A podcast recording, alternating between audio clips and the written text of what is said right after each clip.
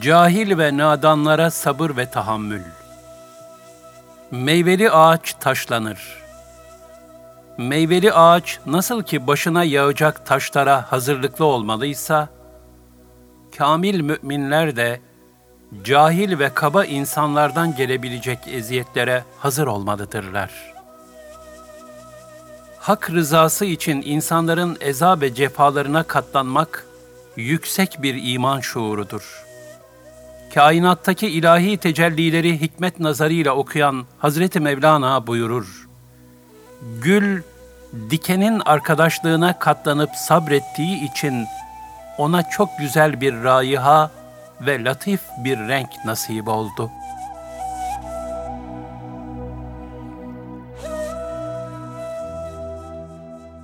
Cahil ve nadanlara sabır ve tahammül. Hayır ve şer, hak ve batıl, doğru ve eğri, insan idrakinde örnekler sayesinde netliğe kavuşur.'' Kur'an ve sünnetin feyiz ve ruhaniyetiyle yaşayan hak dostları da bizler için fiili bir kıstas yani canlı birer örnektir. Kendi halimizi daima onların haliyle mizan etmeli, onlar gibi feyz ve ruhaniyetle dolu bir gönle sahip olmaya gayret göstermeliyiz.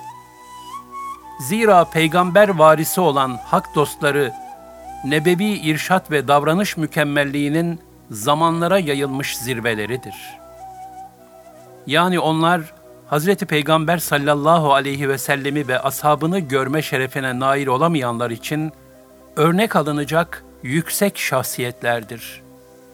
Onların rahmet lisanıyla gönülleri ihya eden irşat ve nasihatleri de esasen nebevi menbadan süzülüp gelen ruhaniyet şebnemleri mahiyetindedir.'' hak dostlarının farik vasıflarından biri de cahillerden, nadanlardan, yol yordam bilmeyen kaba insanlardan gelen eza ve cefalara sabredip, insanların irşadı için daima halkın içinde bulunmalarıdır. Bütün faziletler gibi bu faziletin de en mükemmel surette tahsil edileceği en yüksek mektep, Hazreti Peygamber sallallahu aleyhi ve sellem Efendimizin örnek şahsiyetidir.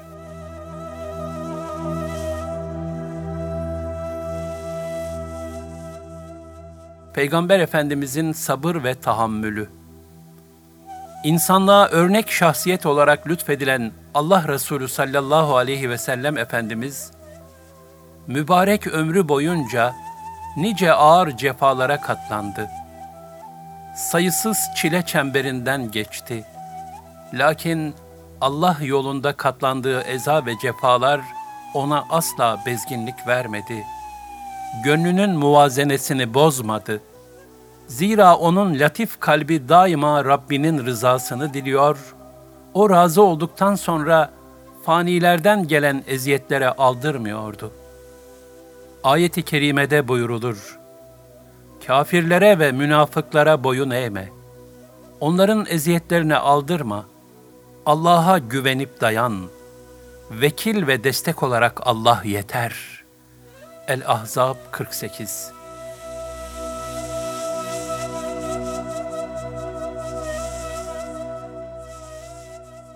Allah Resulü sallallahu aleyhi ve sellemin insanlardan gelen eza ve cefalara büyük bir sabırla tahammül göstermesi, daha önceki mukaddes kitaplarda da haber verilen peygamberlik alametlerindendi. Nitekim önceleri Yahudi alimlerinden biri olan Zeyd bin Sa'ne, beklenen son peygamberin böyle bir hususiyete sahip olduğunu Kur'an'dan önceki semavi kitaplardan okumuştu. Resulullah sallallahu aleyhi ve sellem Efendimiz'e her baktığında onda peygamberlik alametlerinin tamamını gören Zeyd bin Sa'ne, acaba gerçekten kendisine karşı kaba saba davrananları da affediyor mu? Kendisine yapılan kabalıklar arttıkça onun hilm ve müsamahası da o nispette artıyor mu diye merak etmiş ve bu hususta Peygamber sallallahu aleyhi ve sellem Efendimiz'i adeta bir denemeye tabi tutup, hakikaten böyle olduğunu gördükten sonra mutmain bir kalple iman şerefine nail olmuştur.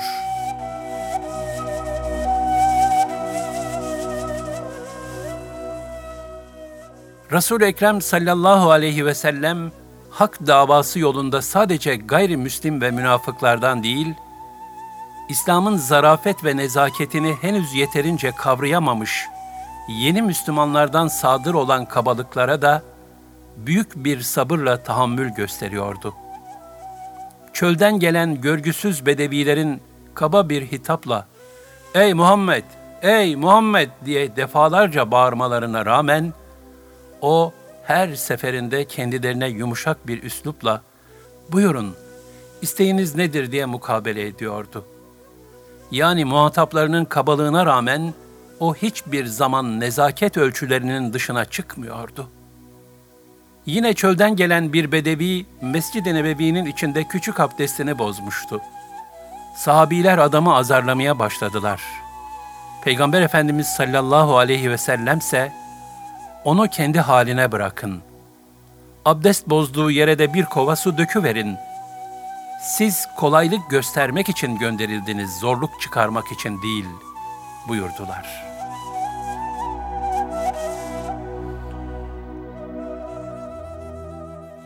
İşte rahmet peygamberinin bu hali nice hidayetlerin bereketli tohumu oldu.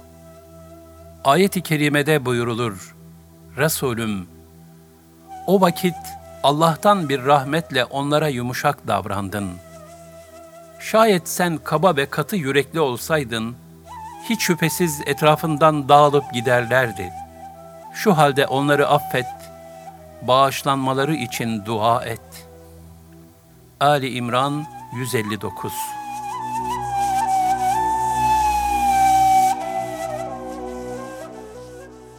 Allah yolunda türlü sıkıntılara katlanan resul Ekrem sallallahu aleyhi ve sellem Efendimiz, davasında muvaffak olup Allah'ın Müslümanlara kuvvet ve zaferler lütfettiği zamanlarda bile bir kenara çekilip insanların eziyetlerinden kurtulmayı asla düşünmedi.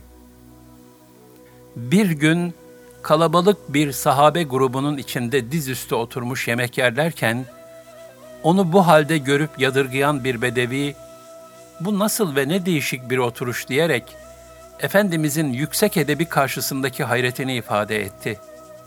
Resulullah sallallahu aleyhi ve sellem ise, Allah Teala beni şerefli bir kul olarak yarattı. Mütevazı bir kul kıldı. inatçı bir zorba değil buyurdu.'' yani kendisinin hiçbir zaman mağrur ve kibirli insanlar gibi hareket etmeyeceğini beyan etti. Böylece ince ve hassas ruhuyla bütün insanlığa nezaket ve zarafet timsali olan Efendimiz sallallahu aleyhi ve sellem, inatçılık ve zorbalık gibi kötü sıfatların mümin şahsiyetiyle asla bağdaşmayacağına işaret buyurdu.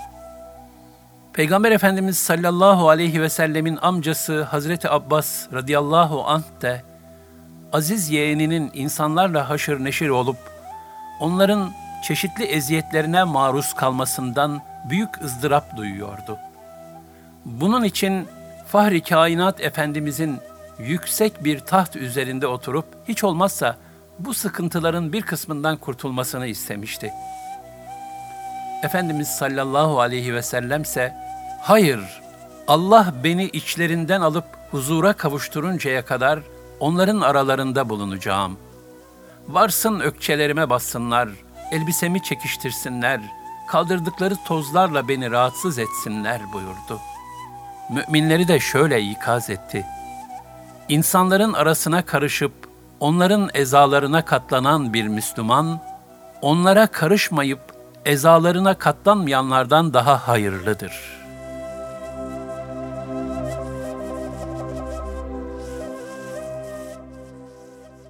Hazreti Mevlana ne güzel buyurur. Ayın karanlık geceden kaçmaması, sabretmesi onu nurlandırır, aydınlatır. Gülün dikenin arkadaşlığına katlanması, sabretmesi de ona çok güzel bir koku, latif bir renk verir. Bütün peygamberlerin kendilerine inanmayanların veya cahillerin eza ve cefalarına katlanmaları, sabretmeleri onları Hakk'ın has kulları yapmış, manen muzaffer sultanlar haline getirmiştir. Sabrı güzelce yaşayabilirsen o sana kanat olur, yücelere yükselirsin. Hazreti Mustafa'ya bak.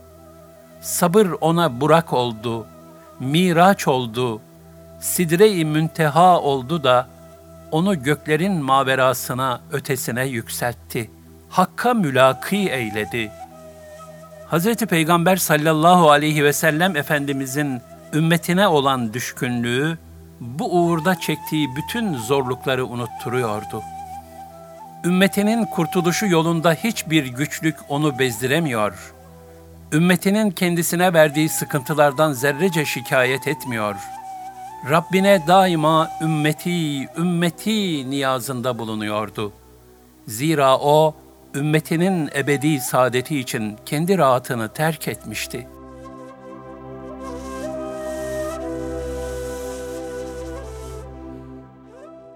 Hak dostlarının sabır ve tahammülü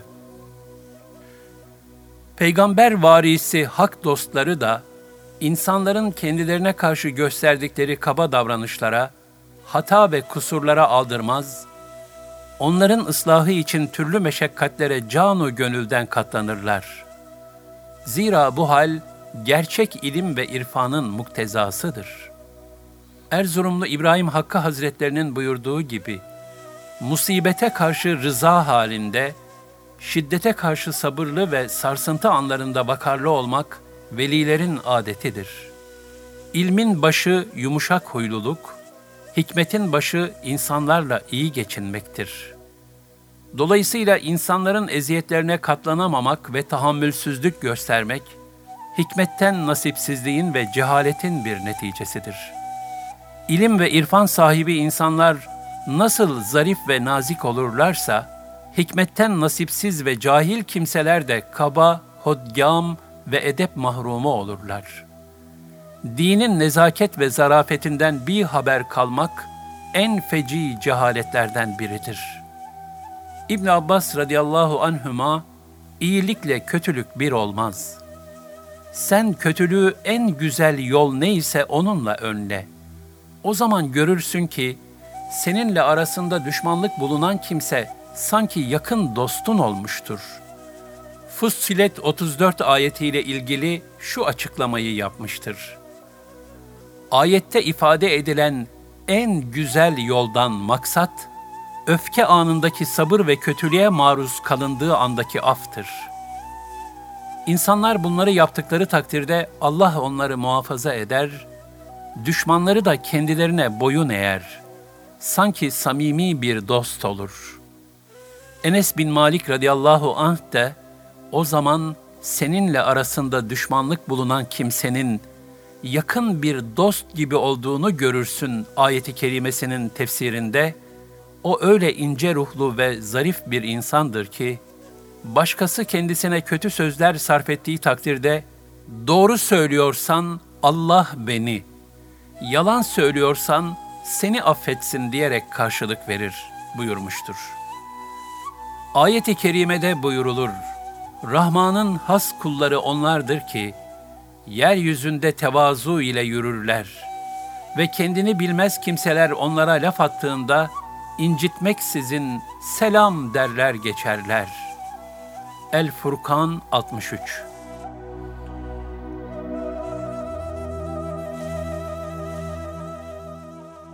Hak dostları da kendini bilmez cahillere aldırmaz, onlarla tartışmaya girmezler. Zira bunun o nadanları nefsani bir inatlaşmaya götürerek onların daha büyük bir zarara sürüklenmelerine sebebiyet vereceğini bilirler. Bu hususta Hazreti Ali radıyallahu an şu ikazda bulunur. Alçakça söylenen bir söze sakın cevap vereyim deme. Çünkü o sözün sahibinde onun gibi daha nice düşük sözler vardır.'' cevabınıza yine o bayağı ifadelerle karşılık verirler. Cahil ile sakın latife etmeye kalkma. Dili zehirli olduğundan gönlünü yaralar.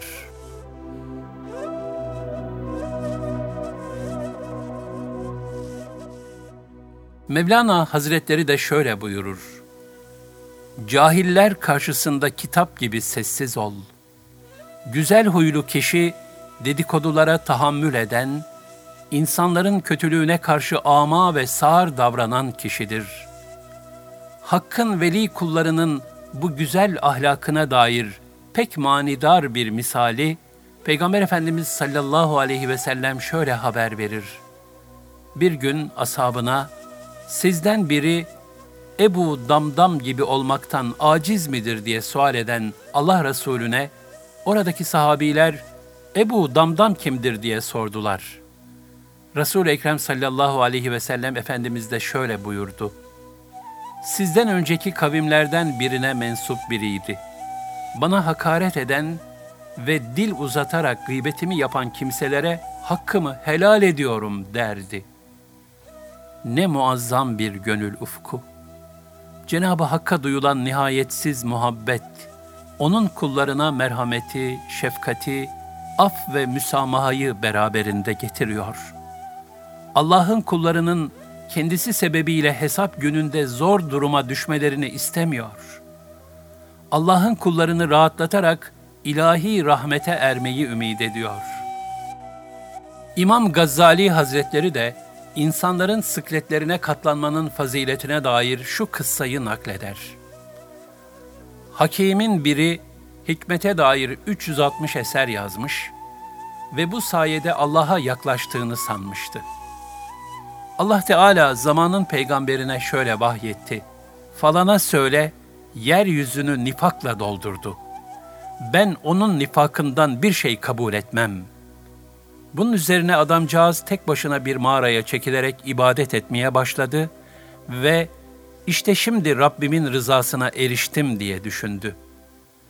Yine Allah Teala peygamberine ona söyle, insanlar arasına girip onların eziyetlerine katlanmadıkça rızama erişemez diye vahyetti. Adamcağız çarşıya çıktı, insanlar arasına girdi. Onlarla beraber yürüdü, oturdu, yedi, içti. Bunun üzerine Allah Teala peygamberine şöyle vahyetti. Haber ver o adama ki, şimdi benim rızama nail oldu.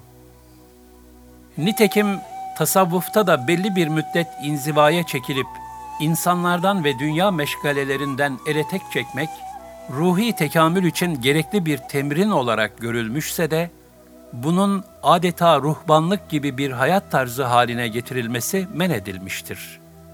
Halk içinde bulunarak hakka kulluğa devam etmek, halvet der encümen adı ile kaideleştirilmiştir. Diğer bir ifade ile kesrette vahdet, yani kalabalıklar içinde bile Allah'la beraberlik hali, müminin manevi seviyesini gösteren bir kulluk adabıdır. Yine kişinin insanlarla bir arada bulunmasının, kalbinin daima Hak Teâlâ ile halvet halinde bulunmasına mani bir durum olmadığını ifade sadedinde de, el kârda, gönül yârda tabiri meşhur olmuştur. Hazreti Mevlana buyurur, Dünyanın hiçbir köşesi iptilasız ve tuzaksız değildir.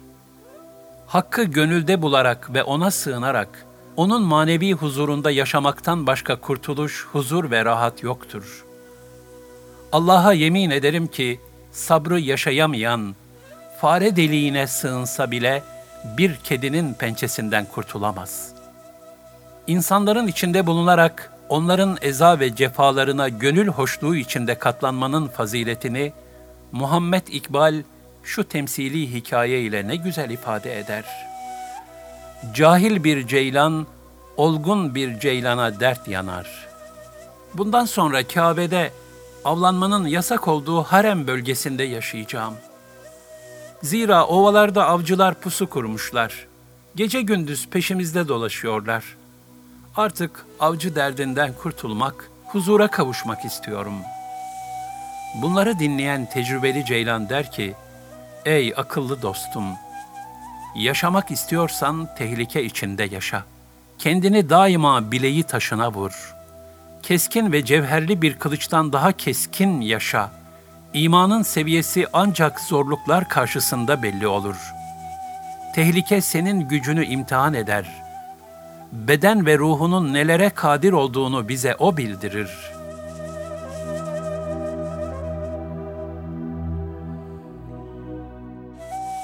Hakkın veli kullarının diğer bir vasfı da, zalim veya mazlum olmak durumunda kaldıklarında, mazlum olmayı tercih etmeleridir. Nitekim Sa'd ibn Ebi Vakkas radıyallahu anh, Ya Resulallah, fitne zamanlarında biri evime girip öldürmek için beni tehdit etse, ne yapmamı tavsiye buyurursunuz deyince, Hazreti Peygamber sallallahu aleyhi ve sellem, Adem'in oğlu Habil gibi ol buyurmuştur. Velhasıl, hak dostlarının bu vasfının kısaca ifadesi, Hakk'ın kullarından gelen eza ve cefalara hak rızası için katlanabilmektir. Hak dostu Maruf-i Kerhi Hazretlerinin şu hali ne kadar ibretlidir. Maruf-i Kerhi Hazretleri ölmek üzere olan bir hastayı evinde misafir eder ve onun bütün hizmetini görür.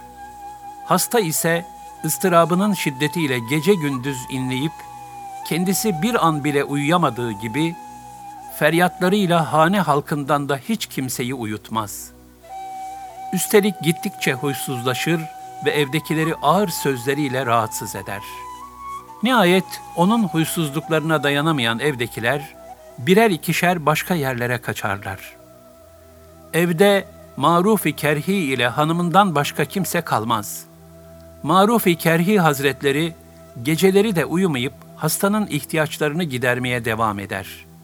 Ancak bir gün uykusuzluğu dayanılmaz noktaya varır ve gayri ihtiyari uyuyuverir.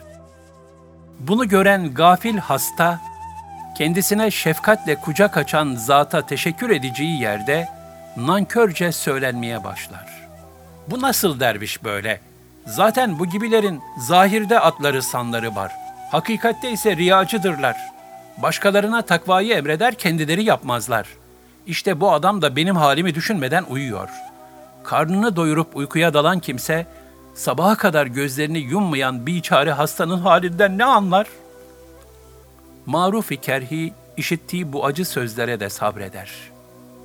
Lakin hanımı daha fazla dayanamayıp ona bu nankör hastayı artık evden göndermesini söyler. Maruf-i Kerhi Hazretleri ise mütebessim bir çehreyle şöyle buyurur. Ey hanım! Onun söylediği sözler seni niye incitir ki? Bağırmışsa bana bağırmış. Terbiyesizlik etmişse bana etmiştir. Onun nahoş görünen sözleri bana hep hoş gelir. Görüyorsun ki o daimi bir ıstırap içinde. Baksana zavallı bir nefes bile uyuyamıyor. Hem bilesin ki asıl hüner, asıl şefkat ve merhamet, böyle kimselerin cefasına katlanabilmektir.'' Bu kıssayı Bostan adlı eserinde nakleden Şeyh Sadi şu nasihatte bulunur. Muhabbetle dolan kalp affedici olur. Eğer sen yalnız kuru bir suretten ibaret olursan, öldüğün zaman cismin gibi isminle de ölürsün. Eğer kerem sahibi ve ehli hizmet olursan, ömrün cesedinden sonra da fedakarlığın ve gönüllere girdiğin kadarıyla devam eder.'' Görmez misin ki Kerh şehrinde birçok türbe var. Fakat Maruf-i Kerhi'nin türbesinden daha maruf ve ziyaretçisi bol olanı yoktur.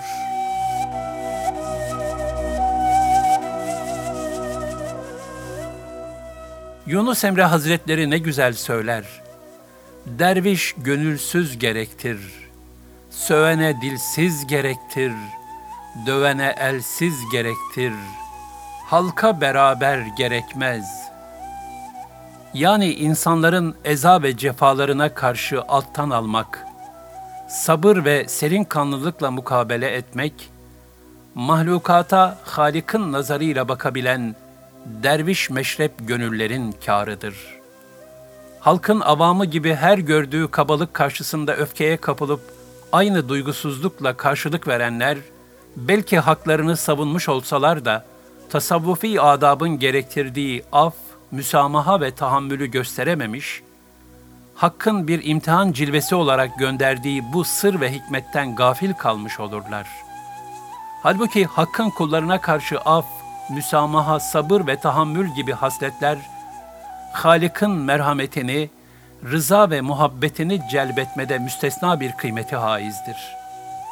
Bu bakımdan tasavvufi ahlakta bu hasletler adeta bir ganimet bilinir. Mevlana Hazretleri bunu ne güzel ifade eder.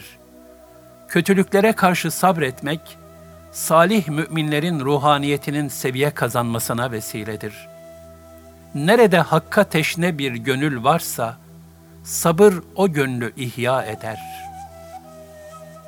Ayrıca bu ahlak, çoğu kere kaba kişilerin ıslahına da vesile olur.''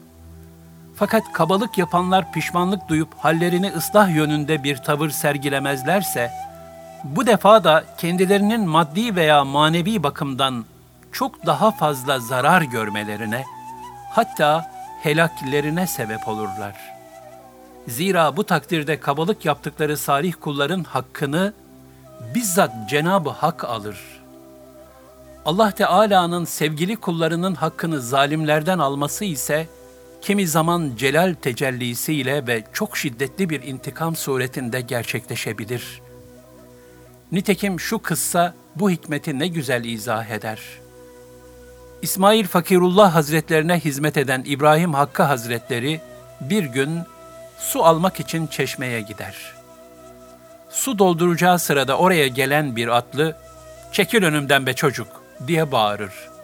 İbrahim Hakkı Hazretlerini azarlayarak atını çeşmeye sürer. O da destisini alıp bir kenara çekilmeye uğraşırken, atını mahmuzlayan adam onu bir köşeye sıkıştırır. İbrahim Hakkı testisini bırakıp kendisini kurtardığı esnada at da testinin üzerine basarak onu paramparça eder. Ağlayarak hocasının huzuruna gelen İbrahim Hakkı olup biteni anlatır. Hocası sorar, testiyi kıran atlıya sen bir şey söyledin mi?'' hayır hiçbir şey söylemedim der.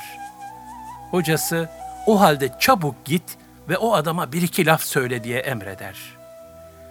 İbrahim Hakkı Hazretleri gider, çeşmenin başında atını tımar etmekte olan adamın yanına varıp bekler.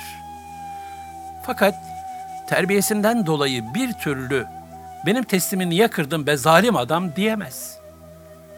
Dönüp geldiğinde hocası Fakirullah Hazretleri sorar, ona bir şey söyleyebildin mi?'' Söyleyemedim efendim. Niyetlendim lakin bir türlü dilimi çevirip de ağır bir söz sarf edemedim der. Hocası tekrar ve daha yüksek bir sesle haykırır. Sana diyorum, çabuk git ve o adama bir şey söyle, yoksa sonu felaket. İbrahim Hakkı Hazretleri bu defa kararlı olup koşup çeşmenin başına gider. Bir de bakar ki, testisini kıran adam kendi atından yediği çiftelerle yerde hareketsiz yatıyor. Koşarak gelip hocası İsmail Fakirullah Hazretlerine bu vahim vaziyeti haber verir. Hocası bu hale üzülür. Vah vah! Bir testiye mukabil bir adam der. Huzurundakiler bundan bir şey anlamadıklarını söyleyince, Büyük Veli şöyle izah eder. O atlı adam İbrahim Hakkı'ya zulmetti.'' zulme uğrayan da tek kelimeyle olsun mukabelede bulunmadı. Böylece zalimi Allah'a havale etmiş oldu. Bu da Allah Teala'nın gayretine dokunup zalimi cezalandırdı. Şayet İbrahim Hakkı onun zulmüne karşılık verip bir şeyler söyleseydi, ödeşeceklerdi. Fakat İbrahim büsbütün mazlum olmayı tercih etti. Bense ödeştirip adamı kurtarmak için uğraşıyordum. Maalesef muvaffak olamadım.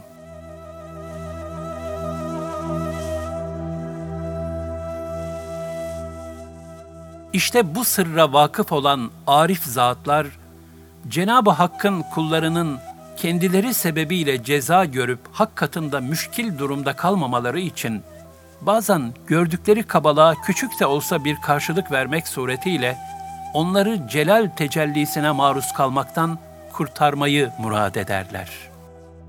Velhasıl kamil müminler sureta insanlardan geliyormuş gibi görünen eza ve cefaların aslında haktan gelen bir imtihan cilvesi olduğunu düşünerek onlara en güzel bir surette tahammül etmeye çalışırlar.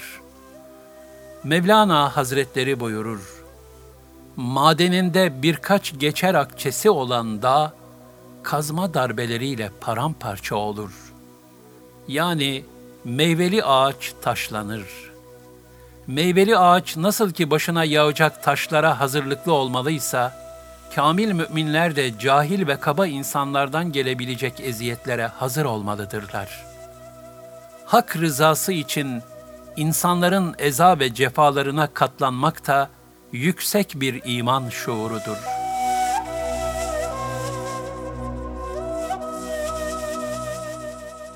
Cenab-ı Hak, veli kullarına lütfettiği bu firaset, basiret, incelik ve hikmetten gönüllerimize hisseler ihsan eylesin. Cahil ve nadanların kabalıklarına, sataşma ve tahriklerine kapılmaktan cümlemizi muhafaza buyursun. Hepimizi kamil müminlere yakışan bir aklı selimle yaşayıp, huzur-u ilahiye, selim bir kalple varabilenlerden eylesin. Amin.